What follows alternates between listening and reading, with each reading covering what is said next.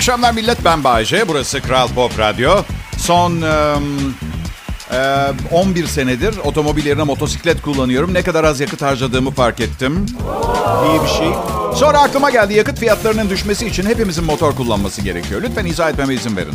Çok az yakıt tüketimi olacak ve en büyük gelir kaynağı olan petrol vergileri çok azalacak. Bu yüzden alternatif enerjisel çözümler arayacaklar. Ama siz 4500 motoru olan 300 beygir aracınızla sırf zevk için bir kıza merhaba demek için Ankara'ya gidip gelirseniz bu mümkün olmayacak. Dinleyin lütfen. İkincisi geliyor. Motosikletin köprü geçiş ücreti daha düşük. Bu yüzden köprüden topladıkları da azalacak. Dördüncü köprü de yapılmak zorunda kalacak. İstanbul trafiği biraz daha rahatlayacak. Hepsinin üstüne petrol ürünleri için dışarıya daha az bağımlı olacağız. Ama Bayce, şık bir yere kız arkadaşını motosikletle mi götürüyorsun? Hadi benimle gidilen her yer şık bir yerdir. Bayce, vergi demişken vergilerini düzenli ödüyor musun? Vergi, vergi. Dur bir Google'layayım neymiş bir kere. Önce şuna bakalım ne neymiş vergi denen şey. bir keresinde radyoda böyle şakalar yaptıktan sonra vergi dairesinden geldiler. Abi yapmayın dedim. Tabii ki vergilerimi veriyorum. Alın buyurun belgeler. Radyodaki sadece bir komedi show herhalde ciddi olduğumu düşünmemiştiniz. Özür dilediler, gittiler. Gittiklerinden beri vergi ödemiyorum. Şimdi Şimdi büyük ihtimalle bir daha gelecekler. Yine belgeleri göstereceğim. Şaka olduğuna kesin kanı getirecekler. Bir daha da ödemem. Bay J denen şapşalı sürekli denetleyin. Ara vermeden. Daha büyük ve daha çok yakıt tüketen otomobillere ihtiyacımız var. Çünkü çok yemek yiyoruz, sığmıyoruz ekonomik otomobillere, küçük olanlara. Çocuklarımıza bakın, topaç gibiler. Neden bu kadar çok yemek yediriyorsunuz? İhtiyaçları olan bir miktar sağlıklı yemek. 7 yaşında bir çocuğun 3 tane lahmacun yemesi saçmalık. Bir tane yemesi gerekiyor. Günde 3 dondurma olmaz. Bir tane yiyecek. Hepsi yetmiyormuş gibi iyice tembelleştiriyoruz. Şimdi ayakkabılarına tekerlek taktık. Biliyorsunuz değil mi? Arkası tekerlekli spor papuçları. Külahımın spor papucu. Tembellik papucu onlar. Hey bakın neden sırtlarına tekerlek taktırmıyoruz ha? Çocukların böylece yerden kalkmak zorunda kalmakla dondurmayla lahmacun arasında giderler gelirler. Nasıl? Yattıkları yerde. Ben ha, önceleri aileleri suçlardım bu beslenme alışkanlıklarını oluşturdukları için. Ama kendim baba olduktan sonra bunun anne babaların değil, tüketim toplumunun sağlıksız mallarını satmak için kullanan şirketler ve reklamcılar olduğunu fark ettim. Ya siz bir kez çikolatalı gofret verdiğiniz çocuğa bir daha nasıl havuç yedireceksiniz? Hem mantıksız. Anne ne olur pamuk helva al. Ne olur pamuk helva. Ne olur ne olur. Pamuk helva çok masum geliyor kulağa. Çünkü pamuk helva gıda boyası katılmış saf şeker. Çocuğunuza hiçbir faydası yok. Mutlu bile etmiyor. Üstelik üstü başı da rezil oluyor. Biliyorum bu anonsumdan sonra pamuk helva mafyası peşime düşecek ama ben cesur bir medya mensubuyum. Kim korkar pamuk helva kartelinden? Ya ben çok şanssız biriyim. Büyük ihtimalle şimdi yeraltı dünyasında pamuk helvanın bambaşka bir anlamı vardır kesin. Ve ben yarını göremeyeceğim. Hayır. Anne babanın ne suçu var? Çikolata reklamında çikolata yiyen çocuk uçuyor Süpermen gibi. Sen, diğer tarafta çocuğa sabaha kadar derdini anlatmaya çalış. Bak çocuğum biliyorum o çikolatayı yersen uçuyorsun. Ama eğer bu kerevizi yersen 60'lı yaşlarında bağırsaklarında polip, tümör benzeri şeylerin oluşmasını engellemiş olursun. Sen çocuğa ne anlatıyorsun? Çikolata yiyip uçacak. Bak çocuklarımız sağlıksız yetişiyor benden söylemesi. Şimdi bütün çocuklarda bin çeşit alerji, astım gibi şeyler var. Eskiden biz 16 hafta beklemiş inek kakasının üstünde tek kale maç yapardık. Bir gün bile hastalanmadık. Doğallık taraftarıyım. Beslenmede, görünümde, yaşamın genelinde. Kral Pop Radyo'da. Canlı yayında ben Bayce huzurlarınızdayım dinleyiciler.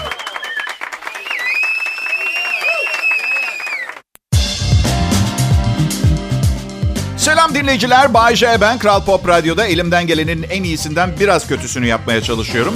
Çünkü en iyisine ihtiyaç yok. Piyasanın şu anki durumunda arz talep yok. Yani en iyisinde ne gibi farklar var ki Bay J?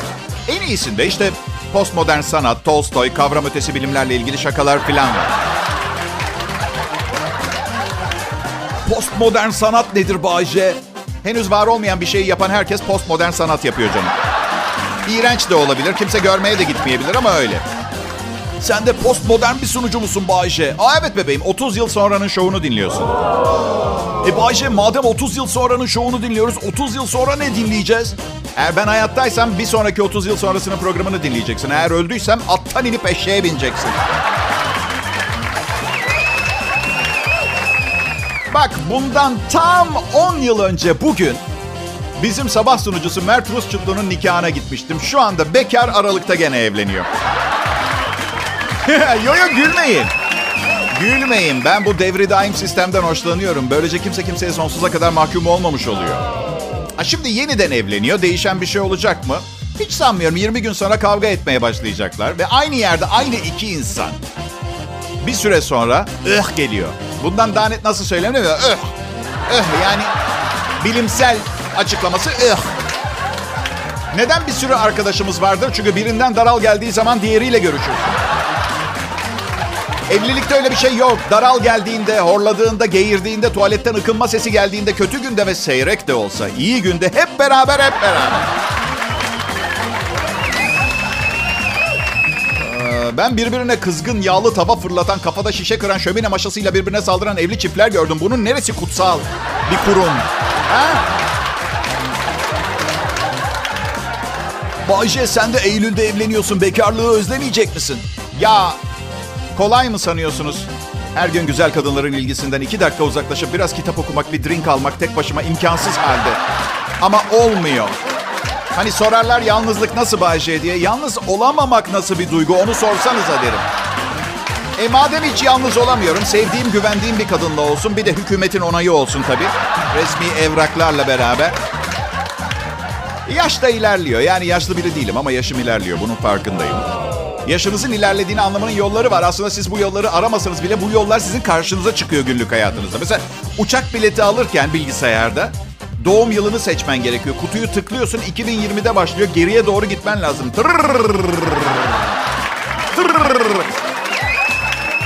Kendi doğum yılını bulmak için geriye gitmek ne kadar uzun sürüyorsa o kadar yaşlandın anlamına geliyor. Geçen yıl babama bilet aldım. Yaşını bulmam 12 dakika sürdü. Tırrrr. 1940, 1939, 1928 yok artık yazdı bilgisayar. Yok artık yazdı. Seyahat etme seyahat. Edecek. Kafa sağlam adam. Kırışıklıklar da oluyor ama bir şey yaptırmamaya karar verdim.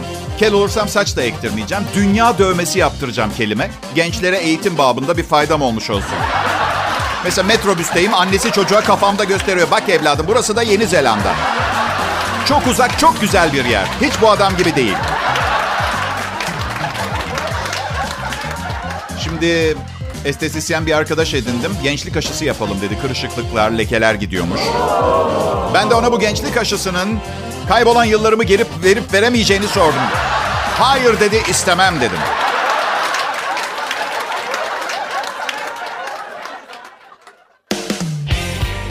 Akşamlar, iyi yazlar sevgili dinleyiciler. Kral Pop Radyo'da iyi müzik ve yanında gelenlerin yanında gelenlere ek olarak Bay J canlı yayında ve bunun yanında başka bir şey yok. Çünkü gerek de yok. Yani bu tıpkı 20 milyar doların olup yanına 1 milyar daha koymaya çalışman gibi anladın mı? Yok yani ben ben 20 milyar dolarıyım radyonun. Nasıl yazınız güzel geçiyor mu? Vücutlarınızı yaz için güzelleştirmeye çalışırken geç kaldınız mı? Yetiştiniz mi? Sen Bayce, sen spor yapıyor musun? Ya üyeyim aslında spor salonuna ama oradaki her şey çok ağır. Bu yüzden gitmiyorum. Bir de ortalık kendini beğenmiş şımarık kızlarla dolu spor salonunda. Kendilerini o kadar çok önemsiyorlar ki. Hani seviyesini söyleyeyim size? Böyle göktaşı dünyaya doğru yaklaşıyor. Dünyaya göktaşı çarpacak olsa eyvah saçlarım bozulacak filan tadındalar. Ama onlardan daha önemli hiçbir şey yok. Neden zor geliyor spor salonu Bayşe? Ya şöyle kokoş bir spor salonuna üyeyim. Kızlar üzerinde seksi filan yazan şortlarla spor yapıyorlar. Ben koşu bandının ekranına bakmak zorundayım. Nişanlıyım ve edepli bir insanım. E iyi işte Bayşe. Yok iyi mi iyi değil zor bir şey. Yani onu söylemeye çalışıyorum. Bu arada arkadaşlar çok seyahat eden var. Yazlık yerlere gidiliyor geliniyor. Umarım sakin ve canavarlaşmadan otomobil, otomobil kullanıyorsunuz. Yaz zamanı üzmeyin beni. Yollar kalabalık, sıcak malum. Ben çoğunlukla uçağa biniyorum. Aa teşekkürler, sağ olun. Sevindiğinizi bilmiyordum böyle şeylere. Uçak şakaları geliyor diye sevindiniz biliyorum. Korkularımın sizi bu kadar eğlendiriyor olması ne hoş. Ne kadar arızalı bir durum aynı zamanda değil mi? Benim korkularımın sizi eğlendiriyor olması. Peki ne Neyse geçtiğimiz yıllardan birinde Edremit'e uçuyorum ve uçak bir minibüsten biraz daha büyük. Sinirlerim bozuldu. Nedense büyük uçak daha güvenli hissettiriyor. Bu kadar küçük pervaneli bir uçak evet belki daha güvenli olabilir ama ben güvende hissetmiyorum. Uçak minicik geldi Boeing'lerden sonra. Ben neyse sinirlerim yatışsın diye yanımdakiyle konuşmaya başladım. Merhaba ne iş yaparsın diye sordum. Sinirlendi. Uçağın pilotuyum aptal dedi. Öyle küçük uçak. Zamanınız var. Güzel şakaydı. İstediğiniz kadar gülebilirsiniz. Gülün gülün gülün rahat olun. Gülün gülün gülün. Bırak bırak içindekini çıksın. Bir de bakın ben e, iyimser bir insanım tamam mı? Ama gerçekten emniyet kemerinin uçaktaki herhangi birini koruyacağına kurtarabileceğine inanıyor musunuz ha? Uçak düşüyor kemerlerinizi bağlayın. Hadi saçmalama. Direkt uçaktaki en güzel kızı öpmeye başlarım. Düşene kadar son bir dakika içinde fani hayatımda sevdiğim şeylerden birini yapayım. Var mı itirazı olan? Uçak düşerse hiçbir şey sizi korumaz kurtarmaz. Hiç duydunuz mu düşen bir uçaktan kurtulan birini şöyle dedi. Feci bir kazaydı ama biz kemeri bağlı olan 3 kişi O yüzden ben telefonumu da kapatmıyorum. Talimatları da uygulamıyorum. Hostes istediği kadar çığlık atsın. Umurumda. Lütfen kemerinizi takın. Lütfen bilgisayarınızı kapatın. Lütfen pantolonunuzu giy. Hadi bırak. Allah'ım uçak düşüyor. Görmüyor musun? Uçan kadın. Bana patronluk taslama.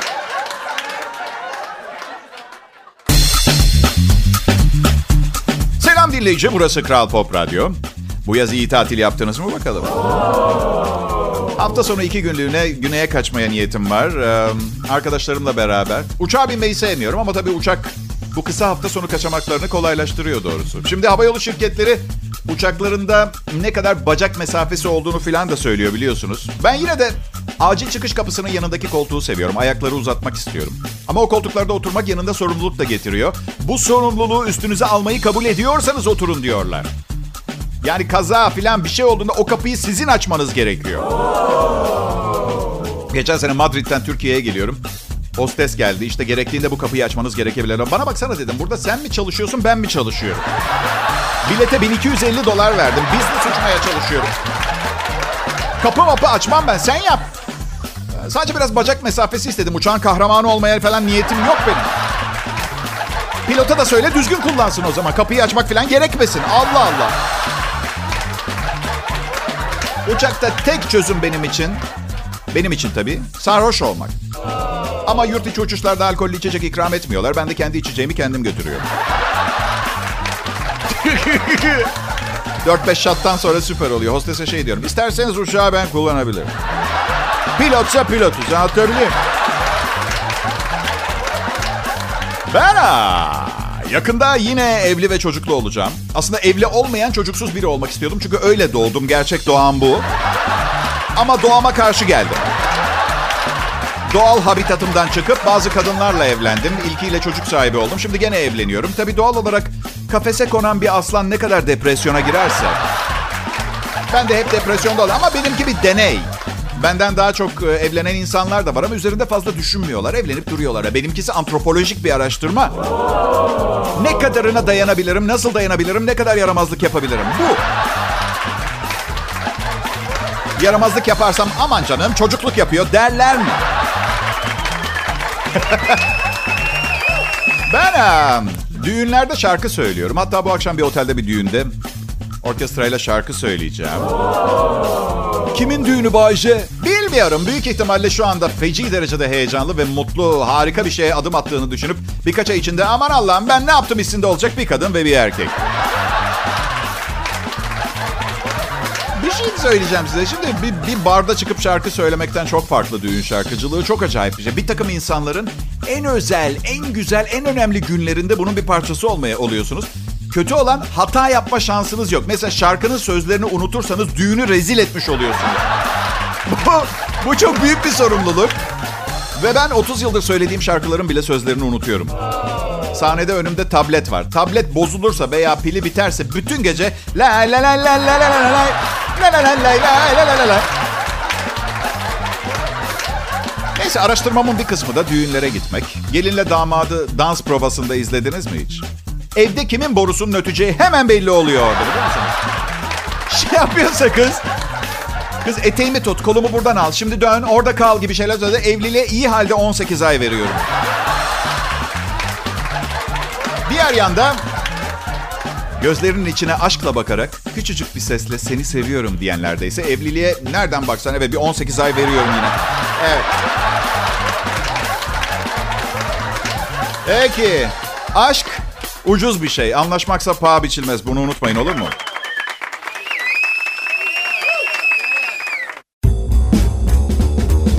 Merhaba ben Bay J. Beni beklediğinizi biliyordum. Bu yüzden bir yığın değerli işimi bırakıp yayına geldim. Bir de gelmezsem kovulurum ve oğluma siz bakmaya devam etmek zorunda kalırsınız. İşte aslında Türkiye ile ilgili en sevdiğim mesele bu. Herkes başının çaresine baksın diye bir anlayış yok. Olan olmayanla paylaşıyor. Bu harika. Ama kadınlar Kadın, kadınlar etrafın ne diyeceğine, ne düşüneceğine o kadar önem veriyorlar ki kendileri ne düşünüyorlar, ne istiyorlar bazen onu görmeye vakitleri olmuyor. Çok üzülüyorum. Mesela şimdi nişanlım diyor ki misafirler için ayrı tabak takımı alalım. Şimdi Allah aşkına benim yediğim tabak nesine yetmiyor? Yani eğer benim yediğim tabakta yiyemeyen arkadaşlarımız varsa demek kendimizden çok daha üst tabaka tiplerle görüşmeye çalışıyoruz. Yapmayalım. Ki o da ne demek bilmiyorum. Mesela bence orta yaşlı çocuklu DJ'ler en üst tabaka. ben en üst tabakayım. Hep başkaları, hep başkaları diye diye. Üstün ve sayısız yeteneklerine rağmen yıllardır bir radyo stüdyosunda sizlere bu akşam programını sunmaya devam eden ben Bayce. Size bu akşam bir şey söylemek istiyorum. Artık hep başkalarını düşünen iyi biri olmaktan bıktım. Artık Bay Doğru'yu canlandırmayacağım arkadaşlar tamam mı? Evet. Rolümü değiştiriyorum. Ve buna bugün başladım. Haber kanallarından birini açtım. Önüme gazetenin üçüncü sayfasını koydum. Seyredip oh canıma değsin deyip durdum. Okuyorum okuyorum. Lanet olsun benim hayatım çok daha iyi diyorum. Ve hayat kısa. İnsanların çoğu kötü kalpli ve kötü niyetli. İyi olanların da yarısının karakteri olmamış. Diğer yarısının ağır kompleksleri var. Kalan kısmı da ırkçı veya... Veya... Değil. Umurumda değil. Onu anlatmayacağım. Artık dünya bensiz başının çaresine bakmak zorunda. Anlamıyor musunuz? Bitti. Cicim yıllarımız bitti. İnsanlık. Ee, uzaya taşınmamız gerekiyor biliyorsunuz değil mi arkadaşlar? Evet. Ünlü astrofizikçi Stephen Hawking ee, ölmeden önce 10 yıl falan oldu herhalde. İnsanlığın 100-200 yıl içinde yok olmanın eşine geleceğini, bu süre zarfında mutlaka uzayda bir yere taşınmamızın yollarının bulunması gerektiğini söylemişti. Aksi halde insanlık yok olma tehlikesiyle karşı karşıya kalacakmış. Savaşların, kaynaklardaki hızlı azalmanın ve artan nüfusun insan ırkını yok olmanın eşiğine getirdiğini ee, söylemişti. İnsanlık tüm yumurtalarını aynı sepete, aynı gezegene yani koymamalı deyip yeni alternatifler araması filan. İnsanlığın devamı için uzayda kolonileşmeyi uzun yıllardır uzun yıllar savundu. Ancak 10 e, sene önce işte bu çok açık bir uyarıda bulunmuştu. Gittiğimiz gezegendeki canlılardan çıkan feryatları düşünsenize bizi gördüklerinde. Hayır olamaz uzaylılar. Biz de uzaylıyız onu söylemeye çalışıyorum. Biz de uzaylıyız. Uzaylılar var mı? Biziz işte. Uzaydayız. Valla kızlar da geliyorsa ben ilk yola çıkan grupta kabul ediyorum olmayı. Yani kankalar da iyi de 50 milyon kilometre yolu giderken hadi iki sohbet ettik, beş kitap okuduk, yedik içtik, okey oynadık. Ee sonra atabiliyor muyum? Bu yani. Ee, ilk giden yolculardan biri şey olabilir. Bizim sabah şovmeni Mert Tuzçuklu'yu yollayabiliriz. En azından yokluğunun dünyada sıkıntı yaratmayacağı, fark edilmeyeceği biri olsun değil mi? Yalnız uzay gemisine çocuk binerse ben gelmem. Bayci amca daha gelmedik mi? Gelmedik mi? Ne kadar kaldı? 43 milyon kilometre kaldı. Şimdi otur. Gofretini ye. Siz dünyada yaşamı falan bırakın. Çok yakında gerçekten bir şeyler yapabilmek istiyorsak zaten mecburen başka gezegenlere gideceğiz. Kemal sen evden mi çalışıyorsun? Ben başka gezegenden çalışıyorum. Aha.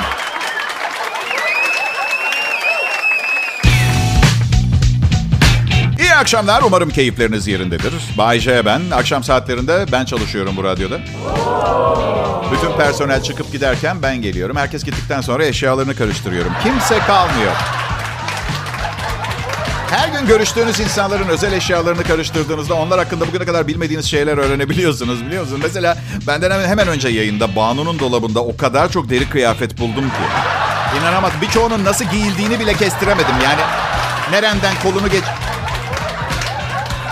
Benim ha, dün e, İtalya'dan akrabalarım Türkiye'ye tatile geldi. Bana şey sordular. En güzel deniz nerede? Nerede denize gel? Ben de sosyal mesafe ihlal edilmesin diye. Bütün denizlerimiz güzel dedim ama çok çok çok ciddi bir köpek balığı problemi yaşıyoruz bu sene. Evet. Ya ne bileyim İtalya yine patlamaya hazır bir bomba gibi. Bu arada daha önce grip aşısı yaptırmış olanların yüzde yüzü Covid olmuş. Ben olmadım. Zaten inanmıyorum grip aşısına. Zaten o aşılar atıyorum zatürre aşısı. Sadece bir zatürreden, pneumonyadan koruyor falan gibi. Covid ile birleşip mutasyona uğrayıp parça pinçik ediyormuş. Şu sırada grip aşısı kesin olmayın diyorlar aklınızda olsun. Bunun dışında iyiyiz çok şükür ve yiyoruz içiyoruz hala. Aslında sanatçı olduğum için arkadaşlarım da hep sanatçı. Çalışamıyor olmaktan çok mutsuzlar. Bir de neydi? Ha, be, ha beş kuruş paraları kalmadığı için mutsuzlar. Evet. Bayce seni radyodan işten çıkartsalar ne yapardın geçimini sağlamak için? Valla sanat işleri dışında pek bir şey bilmiyorum. Ben büyük ihtimalle en iyi bildiğim işi yapardım ama o zaman düğünümü iptal etmemiz gerekiyor.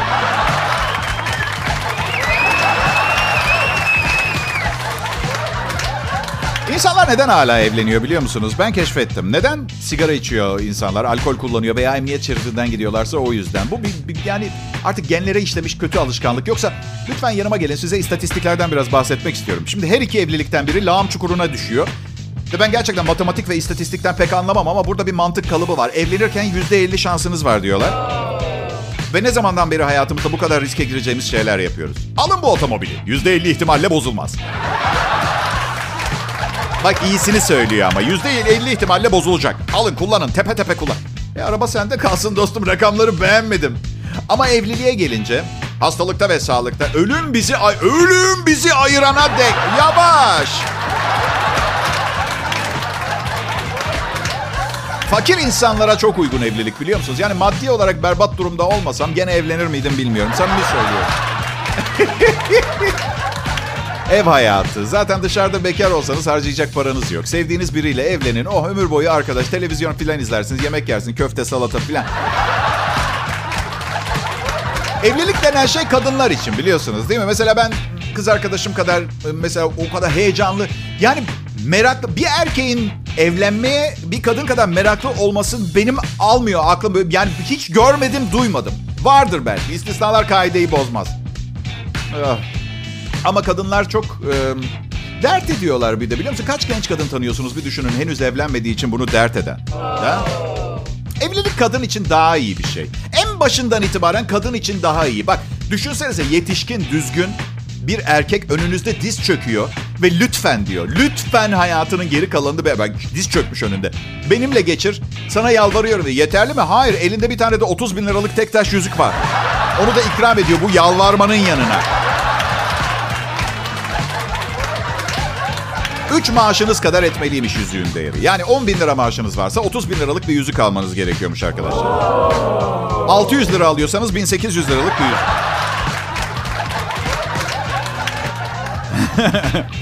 ...600 lira maaş olur mu Bay diye soracak olursanız olur. Covid sırasında tek oyun oynamış tiyatrocu bir arkadaş.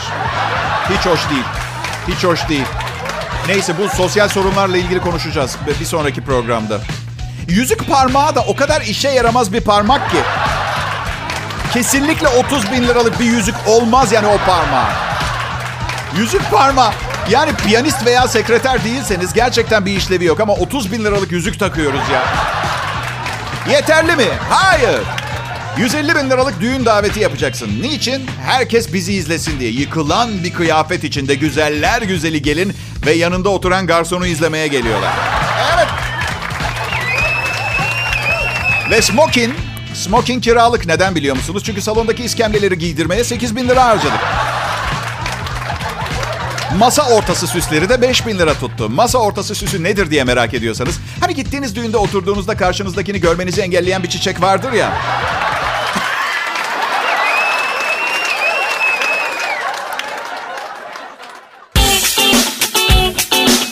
Bay J ve arkadaşları dinleyiciler bu programdan çok şey öğrenebilirsiniz.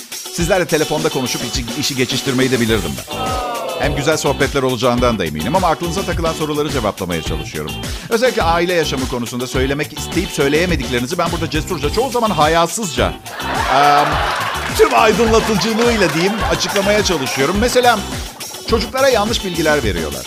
Oyuncak ayılar, ayı yogi, aa tonton ayı, çocuklar, ayılar dost değildir. O zaman çocuğunuzu ayıya yollayın Memo git. Ayıyla oyna. Yüzüne biraz bal sür, yalasın suratını. Dost ayı. Beş dakika sonra sorarsınız. Dostayı dostayı memoyu gördün mü? Evet, ya ben bir şey görmedim. Bu arada bir ağaç dalıyla dişini temizliyor. Galiba şu tarafa gitti.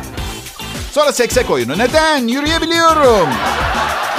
Neden tek ayağım üstünde sekiyorum? Neden? Zaten beni almazdı ablamlar seksek oyununa. Ben de çizdikleri yere yağ dökerdim. Birler, ikiler bacak kırıldı. Beni de almaları gerekirdi. Lütfen demiştim.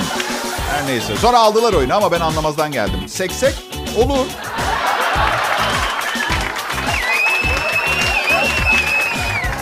Çok şanslı bir insanım. Tam 49 yaşında Türkiye'yi dolaşıp stand-up gösterilerime başlamaya karar verdiğim anda Covid-19 pandemisi patladı. Gelir yapacaktım kendime. Bu gösterilerden kazandıklarımı emekliliğim için ayıracaktım. Olmadı. Peki şimdi ne yapacaksın emekliliğin için Bayce? Banka soymayı planlıyorum. Stand-up gösterilerimin iptal olmasının tek karşılığı banka soygunu olmamalı diye düşünüyor olabilirsiniz. Haklı olabilirdiniz eğer başka bir şey yapmayı biliyor olsaydım. Ama 30 yıllık komedyenim. Şimdi birdenbire Avrupa borsasında Eurobond al satıyla zengin olamam ki arkadaşlar.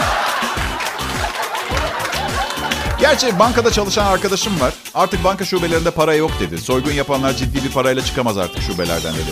Riski ganimetinden daha fazla dedi. Bir banka çalışanının bankadaki kendi çalıştığı bankadaki parasından ganimet diye bahsetmesi çok çirkin geldi her şeyden önce. Ganimet. Okey peki tamam. Tamam bankada para yokmuş tamam. Paralar bankada değilsen nerede? Bankanın sahibinin evinde mi? Çünkü bilirsiniz atıyorum 100 bin lira çekecekseniz bankadan bir gün önce haber vermeniz gerekir parayı hazırlasınlar diye. İşte bunu hazırlanan paranın nereden geldiğini merak ediyorum. Onu soruyorum. 123 kişilik ağır silahlı bir çeteyle banka soymak bana göre değil. Havalı bile değil. Ben iki gerizekalı kankamla bu işi yapıp insanların öv gerçek övgüsünü almak istiyorum. La Case'de aptal. Ya suça meyilli değilim ki ben. Hayatımda hiç suç işlemedim. En büyük suçum insan olmak.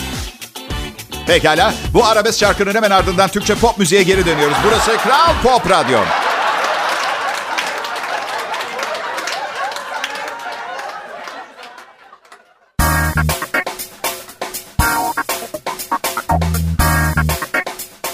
Selam millet. Bu bir radyo programı. Dikkatinizi çekerim. Bir adamın monoloğu olarak aklınızda kalmasını istemem. Evet monolog ama herkes işin içinde. Hani sen monoloğu yaptın, işken, işkenceyi sana yapacağız. Olmaz, olmaz. Haksızlık. Yazarların programın konuşmadığım yerlerindeki hazırlayan ekip var. Onlara da vurun lütfen. Sırf olmaz. Ben önümüzdeki yaz için şimdiden forma girmeye başladım. Çünkü klasik bütün yıl ve Mayıs ayında diyete ve spora başla taktiğinin belli bir yaştan sonra çözüm değil eşek şakası olduğunu fark ettim. Mayıs ayında yetişmiyor. Her neyse. Şık bir spor merkezine üye oldunuz mu hiç bilmiyorum. Böyle vücudu şahane bir adam gelip size yardımcı oluyor. Bana adını bile duymadığım kasların yerini söylüyor. Bayce bu alette flatoidlerin için. Teşekkür ederim. Ben de zaten flatoidlerim için gelmiştim spor salonuna. Neredeydi tam? Neyle nasıl çalışacağımı bir seferde anlatıp gitti. Ben iki dakika sonra hiçbirini hatırlamıyordum. Size hiç oldu mu bilmiyorum. Şimdi uzun süredir de gitmiyorsanız spor salonuna hiç bu ultra süper modern spor aletlerinden birine yanlış bindiniz mi?